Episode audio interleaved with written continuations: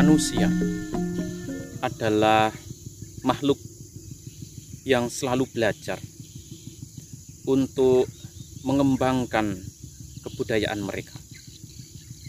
Mereka tidak hanya tinggal diam. Manusia bukanlah makhluk yang statis. Karena itu, dari waktu ke waktu, manusia selalu berusaha untuk belajar meningkatkan kualitas hidup mereka. Manusia selalu belajar untuk bisa membuat kehidupan mereka terasa lebih nyaman, lebih baik dari sebelumnya. Kalau kita menilik agaknya suta misalnya, kita bisa melihat dengan jelas bahwa ketika pertama kali makhluk yang sekarang disebut sebagai manusia muncul di bumi ini, mereka adalah makhluk-makhluk yang tidak mengenal moralitas, tidak mengenal etika. Dengan kata lain, mereka adalah makhluk-makhluk yang tidak mengenal konsep baik dan buruk. Sekalipun demikian, mereka adalah makhluk-makhluk yang bisa hidup dengan damai, hidup dengan tenang, hidup dengan nyaman. Mereka hidup saling serawung saling bisa menghormati satu dengan yang lain. Akan tetapi, karakter manusia itu selalu berevolusi, selalu berubah sesuai dengan kondisi. Nah, oleh karena itu, beberapa manusia memiliki keserakahan di luar batas toleransi. Karena itu, Kemudian beberapa orang berusaha untuk memperkenalkan moralitas. Demikian juga beberapa manusia memiliki kebencian yang tidak bisa lagi diakomodasi oleh makhluk-makhluk yang lain. Oleh karena itu, konsep baik dan buruk pun kemudian diperkenalkan. Ada juga manusia-manusia yang kebutuhannya itu melampaui batas. Di sinilah kemudian orang-orang yang dianggap penting di tengah-tengah masyarakat merumuskan hal-hal yang dianggap baik dan buruk. Karena setiap orang saat itu bersepakat bahwa masyarakat itu harus diatur. Masyarakat itu harus dikendalikan. Terciptalah undang-undang yang berlaku di tengah-tengah masyarakat yang saat itu atau lebih umum di India dikenal sebagai moralitas. Moralitas ada yang tertulis, ada yang tidak tertulis. Namun secara umum moralitas yang sekarang ini juga kita kenal sebagai Pancasila Buddhis, demikian kita umumnya mengenal itu dirumuskan oleh manusia di awal peradaban. Di awal ketika pertama kali manusia berusaha untuk membangun peradaban kehidupan manusia. Nah, oleh karena itu kita tidak bisa mengklaim sebenarnya Pancasila itu sebagai Pancasila Buddhis. Karena ini adalah undang-undang yang dirumuskan dan ditetapkan oleh masyarakat di awal terbentuknya kebudayaan, terbentuknya kehidupan manusia. Nah, ketika agama Buddha muncul di India pada abad kelima sebelum Masehi, saat itu budaya masyarakat sudah sangat kental, sudah sangat kuat. Moralitas terbentuk dengan begitu hebat. Nah, oleh karena itu, Sang Buddha menerima Pancasila ini atau dengan kata lain mengadopsi Pancasila ini untuk juga diterapkan, diterima, dilaksanakan oleh masyarakat yang belajar kepada beliau. Oleh karena itu, lima moralitas itu kita pegang, kita jalankan hingga hari ini. Karena Pancasila tujuannya itu adalah untuk memberikan sekat untuk membedakan mana yang baik dan yang buruk. Pada dasarnya, ketika kita melanggar moralitas, muncullah ketidaknyamanan, muncullah penyesalan, muncullah rasa rendah diri. Nah, perasaan semacam ini disampaikan dengan tegas oleh Sang Buddha sebagaimana tercatat dalam Pancakan Nipata Pali yang ada dalam Anggutara Nikaya.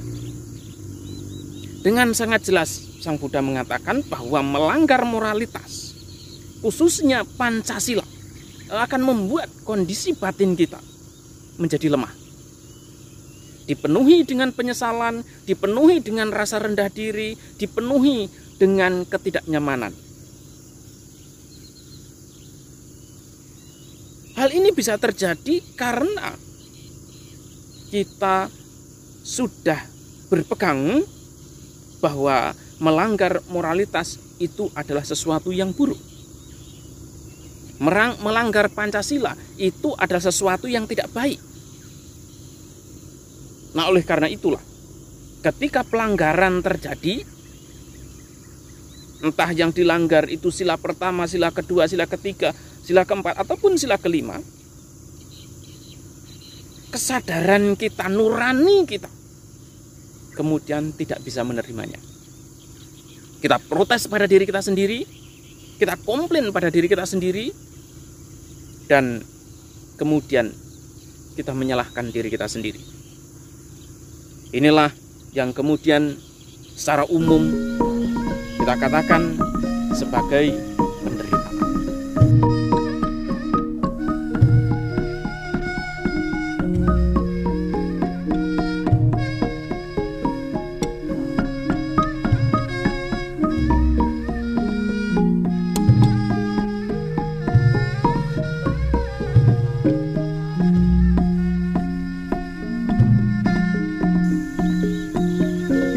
Tetapi ibu bapak dan saudara-saudara semuanya, ketika kita mampu menjalankan moralitas dengan baik, menaati lima sila dengan baik, apa yang terjadi? Yang terjadi adalah rasa percaya diri akan muncul dalam diri kita. Karena ada persepsi bahwa kita ini adalah orang yang baik. Yang layak dimiliki oleh orang-orang yang baik itu adalah kebahagiaan, adalah kedamaian batin. Yang layak dimiliki oleh mereka yang tidak melanggar moralitas adalah rasa percaya diri. Ini kebalikan dari tadi apa yang telah saya sampaikan sebagai pelanggaran moralitas. Oleh karena itu, mereka yang menjalankan moral dengan baik menjalankan sila dengan baik, akan memiliki batin yang kokoh, rasa percaya diri yang tinggi, dan kondisi batin yang damai. Ini bisa terjadi karena begitu dia melihat ke dalam dirinya sendiri, dia tidak menemukan sesuatu yang layak untuk dicela. Baik oleh dirinya sendiri maupun oleh orang lain. Baik untuk kepentingan internal maupun kepentingan eksternal.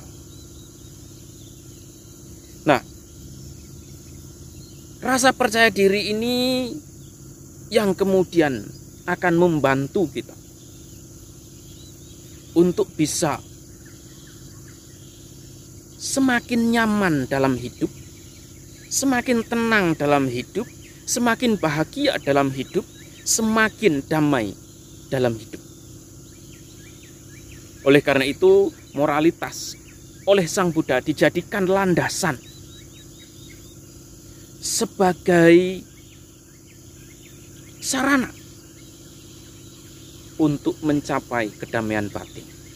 Ini adalah syarat awal Ketika ibu bapak dan saudara-saudara semuanya memiliki moral yang baik, ibu bapak dan saudara-saudara semuanya memiliki syarat awal, memiliki pondasi. Nah, oleh karena itulah dalam uh, Kutta Danta Sutta Sang Buddha mengatakan, si moralitas akan membersihkan kebijaksanaan dan ketika kebijaksanaan itu terbersihkan, termurnikan, moralitas akan semakin murni. Ini memiliki keterkaitan yang sangat erat, yaitu moralitas membantu kebijaksanaan untuk menjadi murni, demikian juga kebijaksanaan akan membantu moralitas semakin terupgrade, semakin meningkat.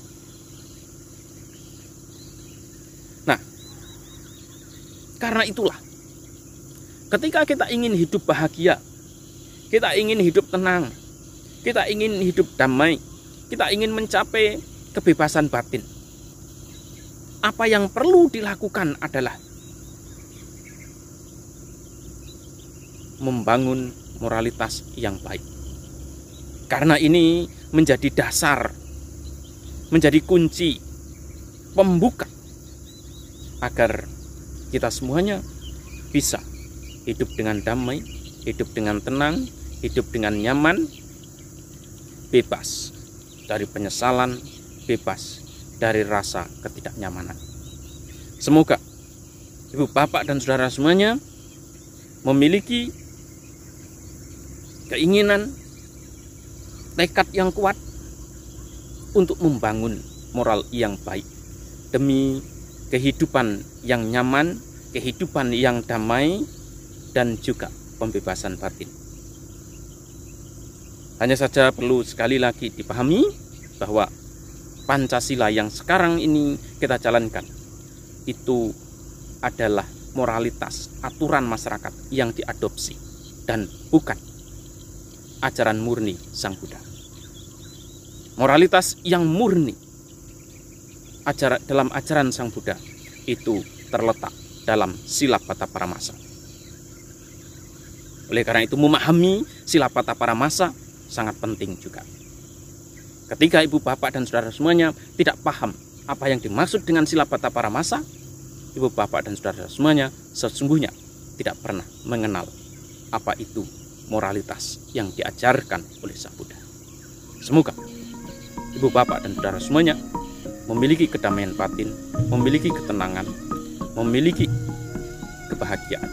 Semoga kehidupan yang kokoh, damai, dan batin yang terbebaskan dapat tercapai dalam kehidupan sekarang ini juga. Semoga semua makhluk hidup berbahagia.